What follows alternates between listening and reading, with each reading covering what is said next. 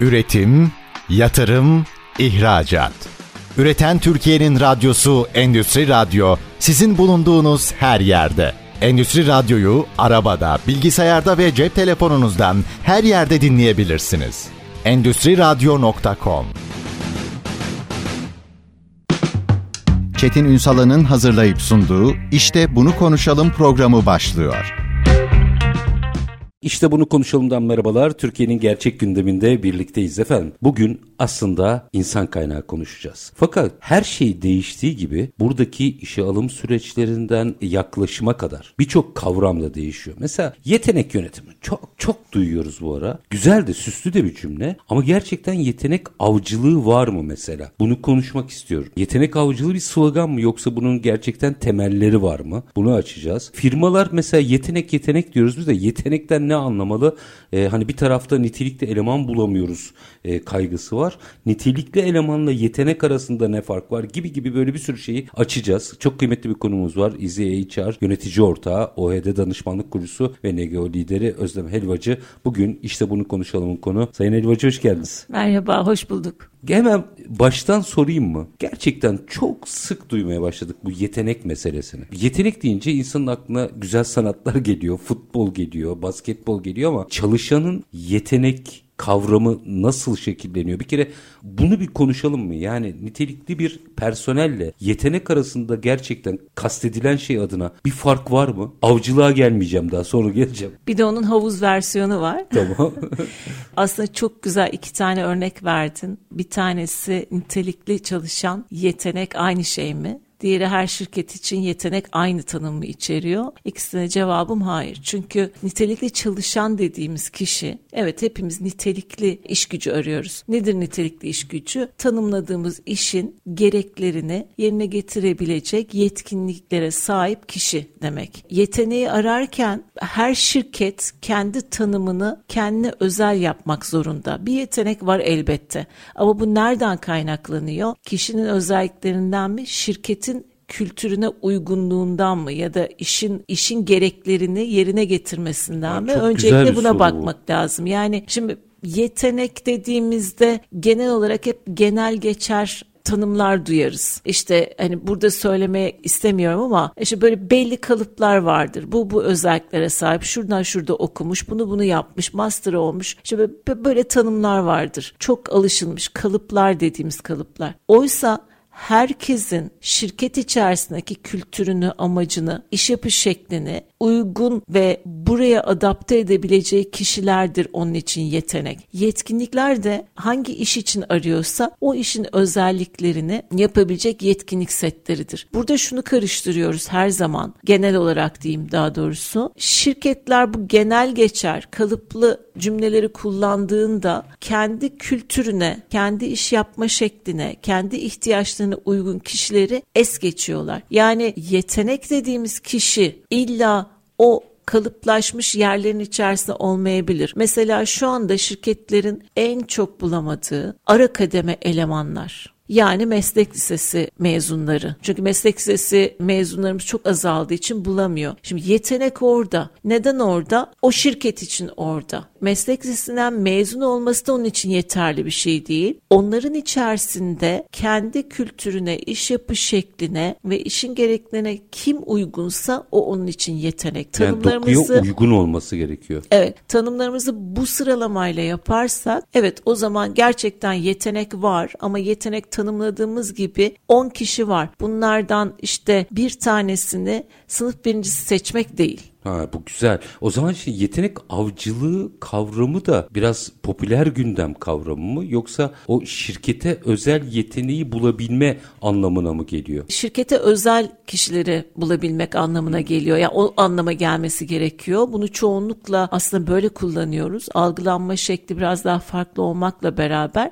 Benim dertlendiğim şey bu Evet. teknoloji ve yeni dönüşümde biraz magazinleşen ve sloganlaşan şeyleri Evet. gerçeğine çekmeye çalışıyorum. Bu açıdan bu Bu söylediğiniz de çok önemli bence. Evet yani şimdi yeteneği biz tanımlarken ete kemiğe büründürmemiz lazım dediğim gibi yani hani tekrar etmek gerekirse ben şirket olarak hangi kültüre sahibim? Gitmek istediğim nokta ne? Bu kültüre uygun ve bu şeyde gitmek gideceğim noktada bana eşlik edecek, bu hikaye benimle paylaşacak olan kişilerin özelliklerine buna bakıyor. Bu yetenek dediğimiz kişi bu. Çünkü hep beraber bir amaca yürüyor olmanız lazım. Aynı kültür içerisinde yürüyor olmanız lazım. Amaçlarınızı eşleştirmeniz lazım. Yani bunu herhangi bir üniversitede de bulabilirsiniz. İlla işte ilk 10, ilk 5 üniversite demenize gerek yok. Bunu meslek lisesinde de bulabilirsiniz. Dediğim gibi hani tanımınızı ortaya net olarak koruyor olmak lazım. Yetenek avcılığına gelecek olursak da orada da şöyle bir şey var. Yetenek avcılığı doğru bir tanım olmakla beraber yanlış kullanılıyor. Şimdi bu genel geçer tanımlarla siz yıldızları tespit edip almaya çalışırsanız buna yetenek avcılığı denmez. Oysa şirketin sektör dinamiklerini, şirketin kültürünü, şirketin iç dinamiklerini, şirketin vizyonunu tüm bunları birçok faktör var. Doğru analiz eder, veriler üzerinden yeteneklerinizi ete kemiğe bünür bir tanım yaparsanız işte bu yetenek avcılığıdır. Yani doğru anladım sanıyorum bu çok kıymetli bir şey. O işi yapabilecek en iyi kişiyi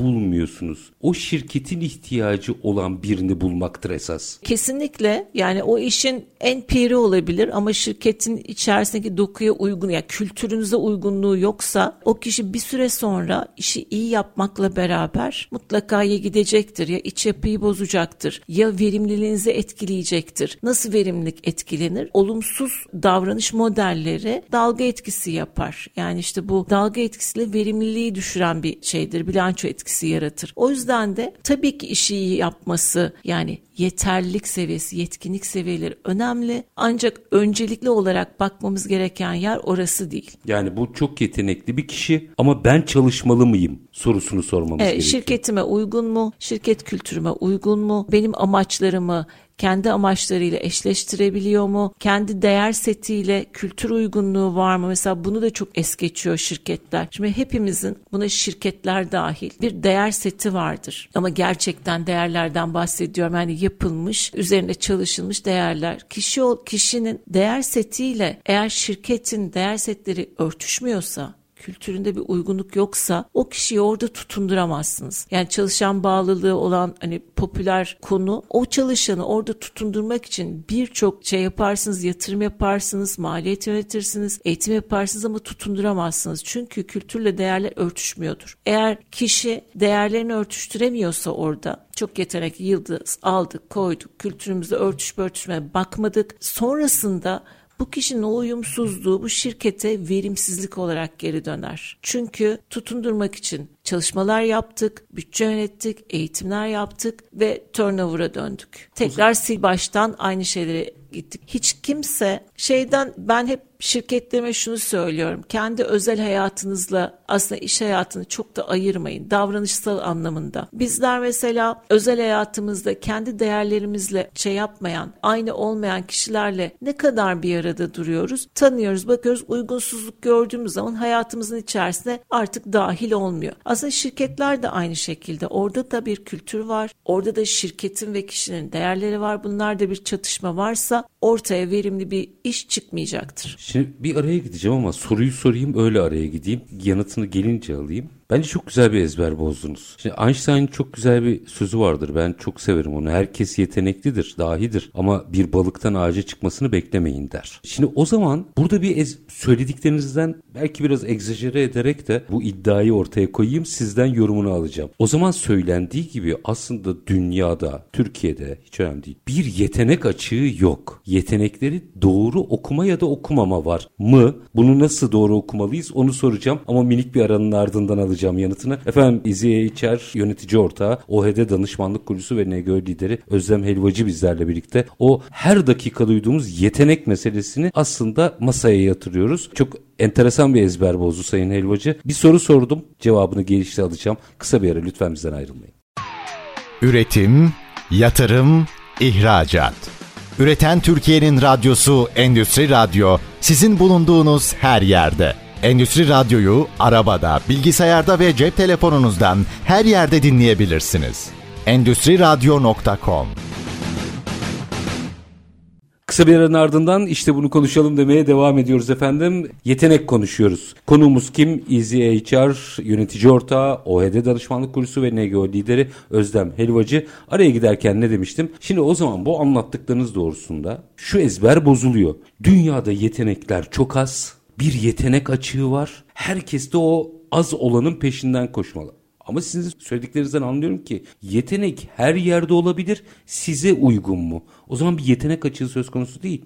Şimdi Veya siz ona uygun musunuz? O da var. Tabii. Evet. Ya yetenek açığı var ya da yoktansa aslında şu tarafa bakıyor olmak gerektiğini düşünürüm her zaman. Bir veriyi nasıl analiz ediyoruz? Analiz aslında her konunun başı bana göre ki işe alımda özellikle yapay zekayı kullanıyor olmak e, bu yüzden çok daha kıymetli olacak yeni dönemde. O başka bir konu. Hani ona da şey yaparız, değiniriz başka bir zaman. Şimdi eğer bizler veriyi doğru analiz etmezsek nereden başlıyor veriyi doğru analiz etmek? Şuradan başlıyor. Şirket olarak ben kimimi tanımlıyor olmamız lazım. Şimdi şirketler hep şuradan başlıyor. Benim şirket stratejim ne? Tabii ki şirket stratejisi olacak, bir üstte strateji olacak ama stratejinin üstünde bu şirketin bir tanımının yani bir kültür tanımının yapılıyor olması lazım. Çünkü içerideki yapınızı tanımlamak zorundasınız. Ben Eğer, kimim? Ben kimim tanımlaması. Çünkü ona uygun yapılar oluşturmak zorundasınız. 360'ınızı buna göre tamamlayacaksınız. Çalışanlarınızı, çalışma şeklinizi. Hatta müşterinizi bile. Kesinlikle ve bunun altında mutlaka değerlerinizin olması gerekiyor. Şirket olarak değer değerlerinizin olması gerekiyor. Ne yazık ki çok fazla şirkette şunu görebiliyoruz. Google ediliyor, şahane çok güzel işte kültür tanımları, değerler setleri bulunuyor ve bir açıyorsunuz web sayfalarına orada aynı, onlar aynı, üzerinde aynı, hiçbir yer. çalışma yapılmadan, altı doldurulmadan çünkü değer seti dediğinizin altı dolu olmak zorunda. Yani yazdığınız her cümleyi siz şirketinizin her noktasında görünür kılmak zorundasınız. Bir, çalışanlarınızla bunu temsil etmek zorundasınız. İki, yönetim olarak bu değerlerinizin sponsoru olarak hayatınızı geçirmelisiniz 3. Şimdi bunları o yüzden çalışarak yapmak durumundasınız. Bunları doğru tanımladıktan sonra yeteneğe ulaşmak için işte bu tanımların içerisindeki önce şuna bakıyor olmanız gerekiyor. Kaç puanla mezun olduğu değil ya da işte masterlı mı doktoralı mı başka bir şey. Bunlar tabii ki çok kıymetli yani kıymetsiz anlamda söylemiyorum asla yanlış anlaşılmasın. Ancak önceliğiniz değil. Öncelik siz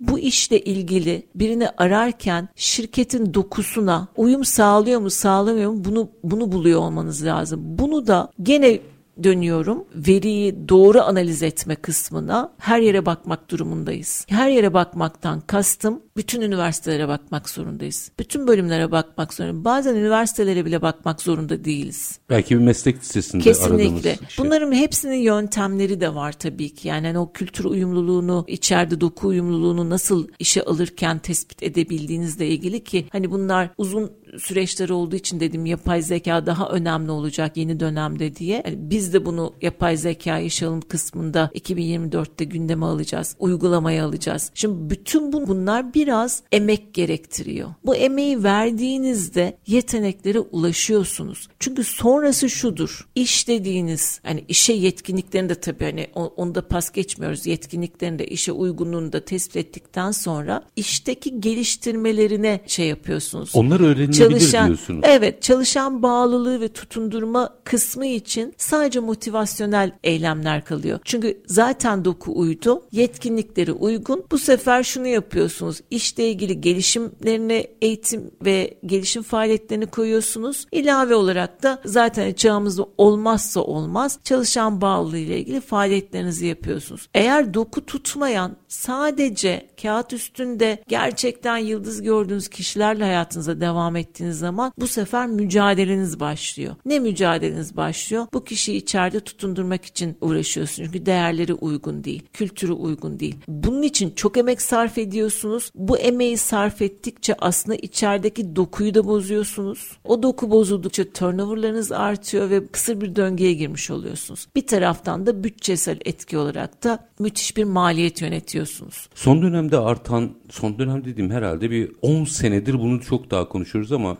bence bunu son 20-25 seneye yayabiliriz. Aşırı turnover'ın temel sebebi bu mu? Ezberci alımlar mı? Ezberci alımlar evet yani listenin içerisinde büyük bir pay şey yapıyor, oluşturuyor. Ama onun dışında da çok fazla şey var. Yani üniversite sanayi işbirliklerinin bu kadar kopuk olması da müthiş bir turnover'a sebep oluyor. Nedir? Şu sektörler belli şeyde bilgi seviyesinde mezunlar bekliyor. Üniversiteler o beklentinin beklentiden haberdar olmadığı için o beklentiye uygun kişiler mezun etmiyor. Böyle olunca da kesişmeyen bir iş gücüden bahsediyoruz. Beklenti var. Bu beklenti üniversitelerde ya da meslek liselerinde karşılık bulmadığı için mezun olan kişi şirketlerde yer almakta zor. Yani aslında birbirinin üzerine koyduğunuz zaman uyuşmayan bir kalıp var. Bu kalıpları birbiriyle eşleştirmek gerekiyor. Yani üniversite sanayi işbirliğinin biraz daha yoğun yapılıyor olması lazım. Evet iki sebepten bir tanesi bu. Yapay zeka mesela hazır buraya gelmişken yapay zeka ve benzeri teknolojiler diyeyim. Bu işleri aşacak mı? Şimdi işi... ya ezberimizi bozacak mı? Evet. Bir ezbere girdik. Çünkü biz atıyorum bundan 40 sene önce böyle değildi. Hani o zaman da insan sarrafıyım durumu vardı ama o da kendi içinde ayrı tartışmalı. Ama böyle değildi. Bir süre sonra belli okullar, belli şey, buna döndü hikaye. Şimdi biraz daha şöyle diyeyim klasik bilgileri bilgisayara bırakıp öyle diyeyim Evet onların içerisinden yine insan sarrafı olarak seçme zamanı mı? Kesinlikle çünkü yalnız söyleyeceklerimin içerisinde şu çıkmasını istemem. İnsan faktörü hiçbir zaman oradan çıkmayacak. Ancak şu var. Tabii ki yapay zekayı işe alım süreçlerine hızlıca dahil etmek gerekiyor. Çünkü objektiflik kısmını kaybediyoruz. Bunu bilinçli ya da bilinçsiz. Büyük ihtimalle bilinçsiz olarak yaptığımız bir şey. Yoğunluk, aşırı başvurular. O gün ilgili kişi gelirken trafikte biriyle tartışsa karşısındaki kişinin vay haline. Evet. Çünkü psikolojisi müsait değil ona. Oraya gelene kadar şunlar da var. İster istemez hepimizin etkilendiği konular vardır. Şimdi ben Ankara Siyasal mezunuyum. Bir CV üzerinde ya da bana görüşmeye gelmiş birinde bu üniversiteden, benim bölümümden, benim fakültemden mezun birini gördüğüm zaman empati yaparım. Tabii doğal olarak. Bu bilinçli bir şey değil ama bilinçsizce yapılmış bir ayrımcılık aslında çünkü pozitif bir duygu oluşturuyor bende. Ama yapay zeka veya e teknoloji onu yapmaz. Aynen. Belli bir seviyeye kadar işe alımda yapay zekanın artık gerçekten hayatımızda olması gerekiyor ki hani biz EasyHR'ın içerisine zaten bunları yerleştirdik bir kısmına 2024'te de bütünle şey yapacağız yerleştireceğiz yapay zeka uygulamalarını. Yapay zeka ile belli bir yere kadar gelmek durumundasınız. Objektifliği korumak için. Ancak tabii şu gene analiz kısmının altını çizeceğim. Çünkü yapay zeka hepimizin bildiği gibi öğrenen bir Tabii toplama ve toplama bilgi evet. daha doğrusu. Şimdi doğal olarak gene şeyi yaparak, analiz yaparak öğrenmişliğini de tekrar revize ederek sisteme yeniden dahil etmek gerekiyor ki objektifliği şey yapmayalım. Yani insan faktörü aslında hiçbir zaman çıkmıyor. Çünkü bizden öğreniyor, öğrendiğini uyguluyor ve öğreniyor. Öğrendiğini bizim analiz edip tekrar objektifliğine çekiyor olmamız gerekiyor. Evet, yapay zekayı artık işe alımlarda belli bir noktaya kadar getirmemiz gerekiyor, kullanmamız gerekiyor ki bilinçsizce yaptığımız taraf olma kısmından sıyrılabilelim. Yani 100 aday varsa rastgele söyleyeyim belki yapay zeka bunları size 5'e indirecek. O 5'in kararını yine siz verecek. Rastgele evet, söyledim rakamı. Aynen öyle. Ya şöyle bir şey var. Şimdi mesela çalışma hayatında diyelim ki işte 20. seneniz. Birçok okuldan, birçok şeyden, şehirden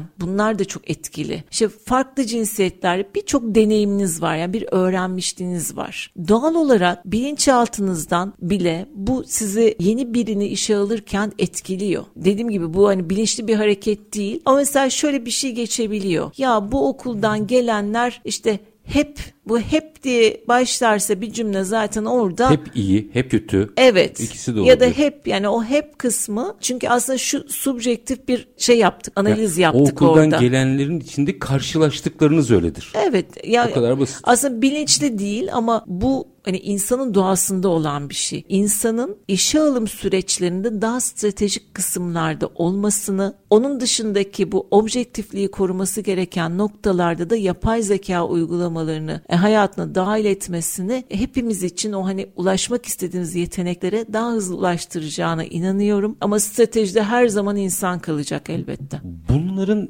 İK'cılar arasında tartışıldığını ve konuşulduğunu biliyorum. Yani ciddi meraklılar da bu işe. Bunu nasıl kullanırız diye. Şirketler buna hazır mı? Çünkü yıllarca biz İK'cıları şirketleri ikna etme süreçlerini yaşadık. Şimdi bir de teknolojiyle ilgili belki aslında ortada veri olduğu için daha rahatlayacak işleri ama hazır mı şirketler buna? Çok şaşırtıcı bir şey. Yeni bir işin bir ay önce yapılan bir zirvesinde gene yapay zekayı konuştuk. İK uygulamalarını. Çok şaşırtıcı dediğim taraf şurası aslında. Şimdi biliyorsun ki hani dijitalleşme konusunda hı hı. özellikle pandemiden önce bir furya vardı. Herkes bir dijitalleşme konuşuyordu. Sonra pandemi gelince fark ettik ki sınıfta kaldık. Sadece konuşmuşuz. Hiçbir şey yapmamışız. Şaşırtıcı olan şu. Yapay zeka tarafında İK daha hazırlıklı. Pandemiden öğrendiklerini çok ciddi olarak hayatına dahil etmiş. Güzel damıtmış yani. Kesinlikle bunun faydasının farkında. Konuya hakimiyeti var. Bu hakimiyetle ilgili neler yapabileceği konusuyla ilgili daha araştırmacı ve ürüne ulaşmaya çalışıyor. Anlamak ve anlamlandırmak için analiz kısmını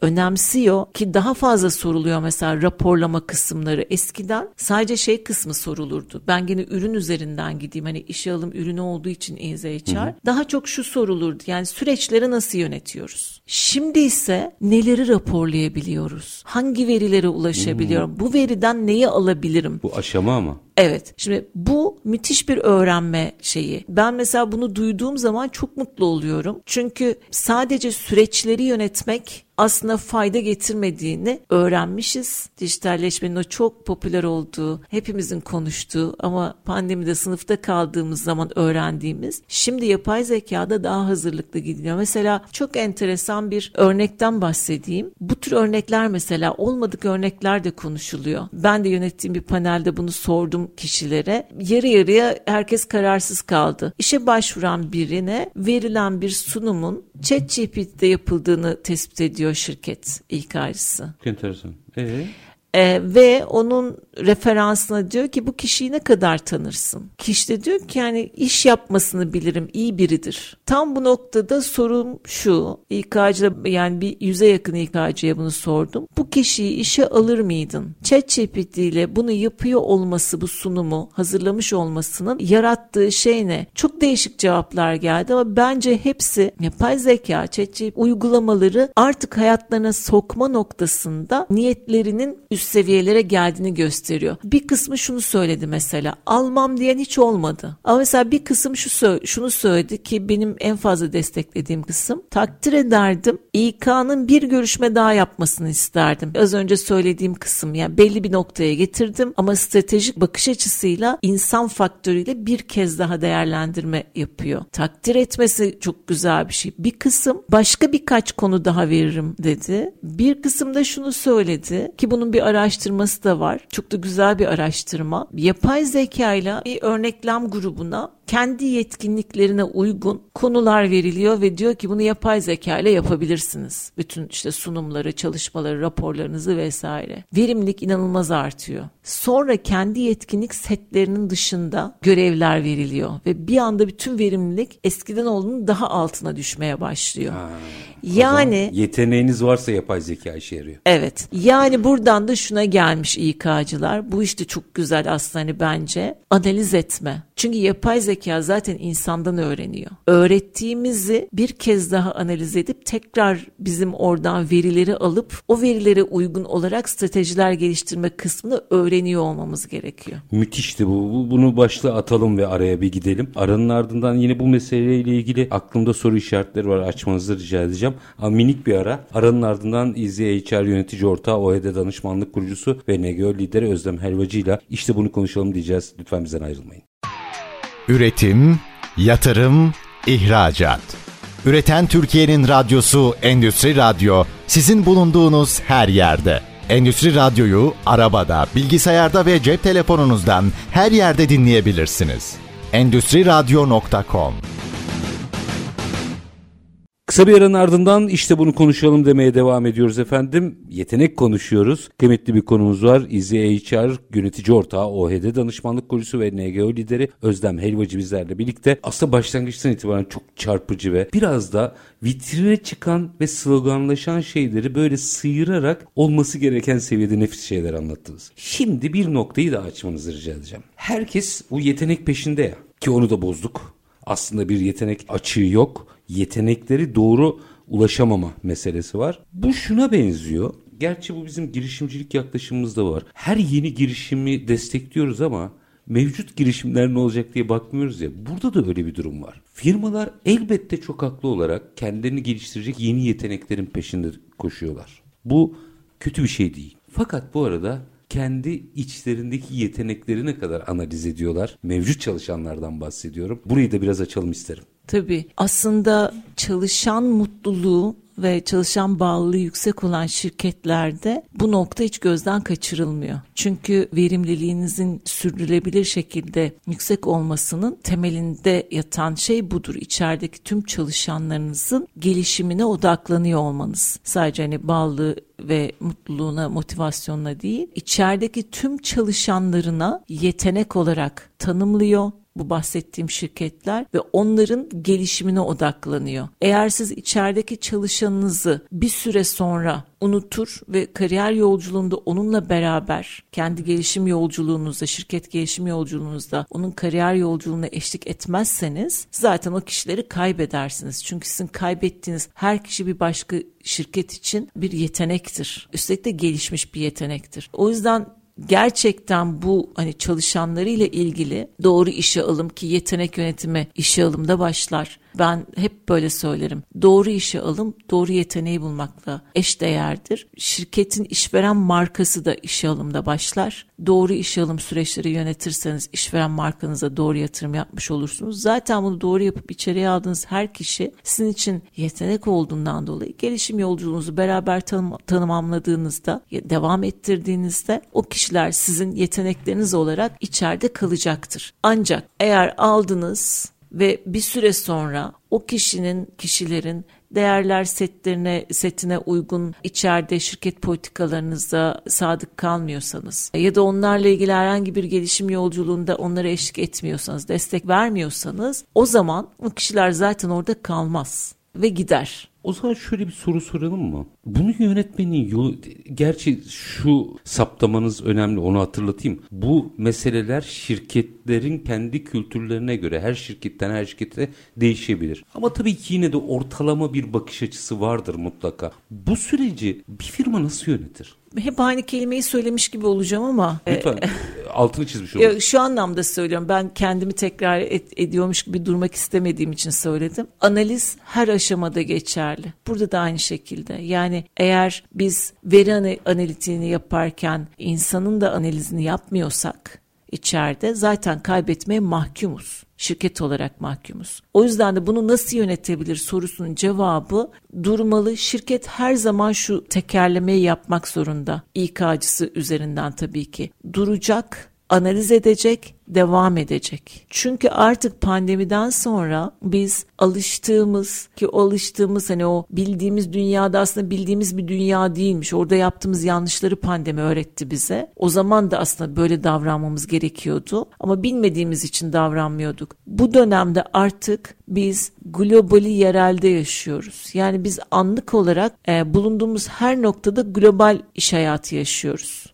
Her hmm. şeye çok hızlıca ulaşabiliyoruz. Bu sebeple durumsal liderlik dediğimiz kısma geçmek zorunda tüm şirketler tabii ki İK'cılar eliyle, yöneticiler eliyle. Yani nedir? Duracak, analiz edecek, devam edecek. Yani ben bugün yaptım, bir yıl sonra, beş yıl sonra, on yıl sonra, iki yıl sonra aynı şeylerle kendimizi tekrar edemeyiz. Hala o doğru mu diye soracak öyle mi? Evet duracak. Anlık olarak analiz yapacak. Yani analiz her türlü analizi yapacak. Yani bütün veri analitik analizi analiz tarafında işte verilerini analiz edecek insan analit, analitiğini yapacak ama mutlaka yapacak. Bunların metrikleri var bunların verileri var. Veriyi biz doğru okumazsak eğer yaptığımız hiçbir çalışma büyük bütçelerle çalışan bağlılığı ve tutundurma hani buna yetenek deyin işte e, farklı isimlendirin önemli değil. Büyük bütçelerle tutulmuyor. İnsanlar artık bu hayat içerisindeki iş hayatı ve işte kendi hayatı da yani bütünü hepsine birden şey yapıyorum. İnsanlar anlam arayışıyla hayatlarını sürdürüyorlar. O yüzden de anlam buldukları yerlerde kalıyorlar. Anlam arayışını nasıl tamamlıyor insanlar? İşte bu söylediklerimle. Değerleri örtüşüyor şirkette. Şirket kendi yazdığı değerleri ve kültürünü her noktasında, şirketin her noktasında. Yani mesela diyor ki şirket Örnek veriyorum. Ben diyor yeşil ofisim ya da işte sürdürülebilirlik ilkelerine şey yapıyorum, destekliyorum. Sonra bir bakıyorsunuz hiçbir politikasında İçeri böyle bir şey görmüyorsunuz tabii. yani. E, görmediğiniz zaman bu değerlerle içeriye girmiş olan biri burada zaten daha uzun kalmak istemiyor. Çünkü anlam arayışını orada tamamlayamıyor. Hmm, böyle bakmak lazım. Yani net olunca. Kesinlikle. Yani o yüzden bütün bu 360'ı yani değerlerinizi doğru tespit edin, kültürünüzü doğru konumlandırın. İçeriye aldığınız her kişinin buna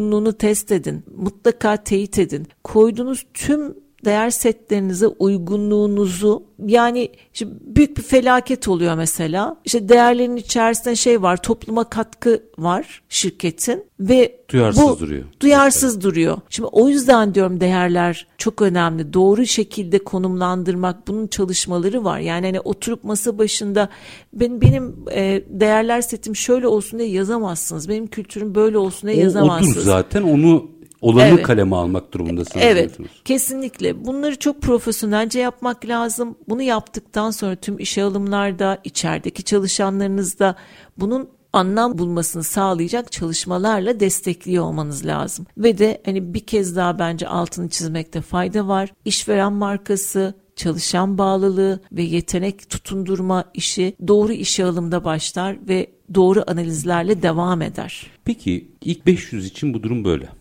Hatta bence ilk 750 diyeyim. 700-750.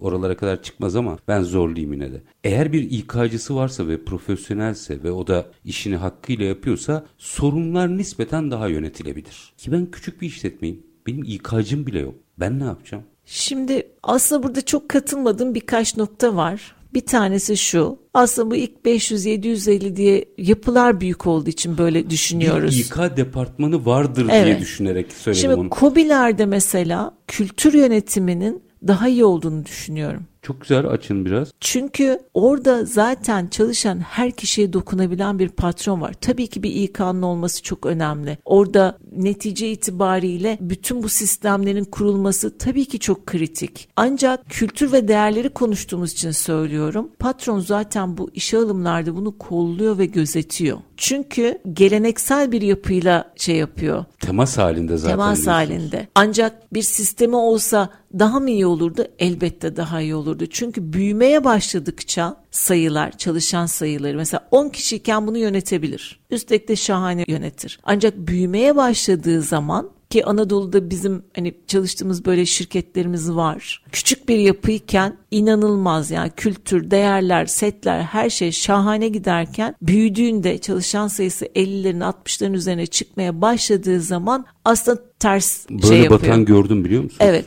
İşte o yüzden o yapıdayken sistemi kurmak ve sistemi yürütüyor olmak, bunları tanımlıyor olmak elini rahatlatıyor. Patron daha strateji tarafında kalıyor. Burada sistem iş gücünü yönetiyor ve hani kültürünü de kaybetmemiş oluyor. Yoksa mesela küçükken nispeten şey küçük büyük ayrımını çalışan e, çap, sayısı çap olarak, olarak evet, ve, e, evet. şey olarak Aha. yapıyorum. İşlerin çok iyi gittiği, büyüdü. Yine çok iyi iş yapıp ama gerekli İK operasyonunu yapamadığı için çok ciddi sıkıntılar yaşayan evet. firmalara denk evet. geldim. Yani orada benim tavsiyem büyürken, ya evet tabii. büyürken bunu yapıyor olmak lazım. Yani 10 kişiyken bir sorun yok evet ama büyümeye başladığı dakikadan itibaren sistem kurmak bütün şirketlerin yani COBİ'lerin elini rahatlatacaktır. Peki yaklaşık bir 3-4 dakikamız var. Şunu da konuşmak isterim. Biz başlangıçları seviyoruz. Bitiremiyoruz. Bunu biraz konuşmak istiyorum. Bir yetenekle birlikte çalışıyorsunuz. İş hayatıdır bu. Yollarınızı ayırabilirsiniz. Biz böyle şey uzaya giden mekikler gibi sanki bir daha hiç karşımıza çıkmayacakmış gibi davranıyoruz. Niye yollarımızı ayırmayı beceremiyoruz? Yarın öbür gün tekrar çalışmak kaydıyla. Çünkü verimiz yok. Açın biraz. Eğer çerde işte bu verileri, raporları düzenli olarak takip edeceğiniz sistemleriniz yoksa ve veriyi okuyamıyorsanız vedalaşamazsınız. Çünkü bir bir sonuç çıkartamıyorsunuz. Neden neden üretemiyorsunuz? Bir şey var ama ne olduğunu bir veriyle ortaya koyamıyorsunuz. Özlemi sevmiyorum. Bir veri değil. Değil tabii. Subjektif Değil, bir şey. subjektif bir şey. Yani sevgiyle şey yapmıyoruz. Ama onun yerine işte bu veriyi doğru analiz edecek sistemleri kurarsanız basitçe ve verinin içeride dinamik olarak şey yaptığı, yer aldığı o zaman o kişiyle ilgili bakın performans görüşmelerinden bahsetmiyorum anlık e, şeylerden bahsediyorum. Bunu yaptığınız zaman o kişi de zaten bir süre sonra orada olmak istemeyecek. Siz de zaten bir veriyle konuşacağınız için aslında çok güzel el sıkışacaksınız. Ya bu çünkü karşılıklı bir suç meselesine dönüyor. Bu bir suç değil. Evet, İki taraf için de tabii. suç değil. Çünkü subjektif şeyler üzerinden konuşulduğu için işler kişiselleşiyor. Aslında kişisel bir mesele olmaması Yani için birlikte çalışıyorduk, birlikte çalışmıyoruz. Bu Birlikte kadar çalışmıyor. basit. Kesinlikle. Ben gene hani bu konuda deneyim anlamında söylüyorum. Şimdi bahsettiğim gibi işveren markası yetenek bulma ve tutundurma doğru işe alımla başlar doğru süreç tasarımlarıyla devam eder. Doğru deneme süreçleri tasarımıyla devam eder. Onboarding ve offboarding süreçlerinde buna entegre ve doğru şekilde konumlaması da devam eder. Buradan aldığınız her veri sizin tekrar süreci baştan en doğru şekilde başlatmanıza sebep olur. Bunu da dediğim gibi yapay zeka ile desteklediğinizde işte o raporlar sizin elinizde bir altın madeni olur. Biz de zaten böyle bir döngü yaratıyoruz Tam şeyde aslında yazılımda. Anlattıklarınızdan şunu anlıyorum. Gerçekten veri ekonomisi bu. Yani işte bir takım verilerin ortaya gelip de işte verilerimi topladım, gizledim, sakladım falan değil. Verinin okunması, bilgiye çevrilmesi gerekiyor. Valla çok keyifliydi ve çok ezber bozandı. Çok teşekkür, Teşekkür ediyorum. ederim. Ama bu arada bu yapay zeka ile ilgili İK boyutunda ilk çıktıları da burada tartışmak isterim açıkçası. Çok merak ediyorum. Mutlaka. Ee, mutlaka orada bir birikim oluyor ve neler anlatıyor bize açıkçası merak ederim. Ama bugün süremizin sonuna geldik. Her Sayın- zamanki gibi çok keyifliydi. Teşekkür ederim. öyle. Çok çok teşekkür ediyorum Sayın Elbacı. Efendim biz bugün yetenek, o çok duyduğumuz yetenek meselesini çok farklı boyutlarıyla biraz da ezberi bozarak konuştuk. Tabii ki İK boyutuyla konuştuk. Yetenek avcılığından firmaların yetenekten ne anlaması gerektiğine kadar çok net ve sade bir biçimde aktardı Sayın Helvacı. Bizler konuştuk. Takdir sizlerin. Bizim bugün konuğumuz Easy HR yönetici ortağı, OHD danışmanlık kurucusu ve NGO lideri Özlem Helvacı'ydı. Biz her zamanki gibi bitirelim. İşinizi konuşun, işinizle konuşun. Sonra gelin işte bunu konuşalım. Hoşçakalın efendim.